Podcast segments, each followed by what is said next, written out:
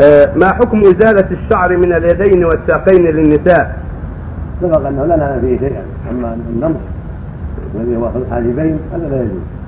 أما شعر الحاجبين شعر البدن اليدين ما نعلم فيه شيئا. الحديث جاء بلعن النامصة والمتنمصة وذلك أخذ شعر الوجه من الناص أو الحاجبين نص عن أهل العلم في تفسير الحديث.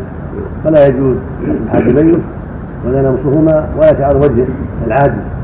كذلك يمنع اما كون ياخذ الرجل أو المراه شعر اليدين أو الرجلين فلا بأس.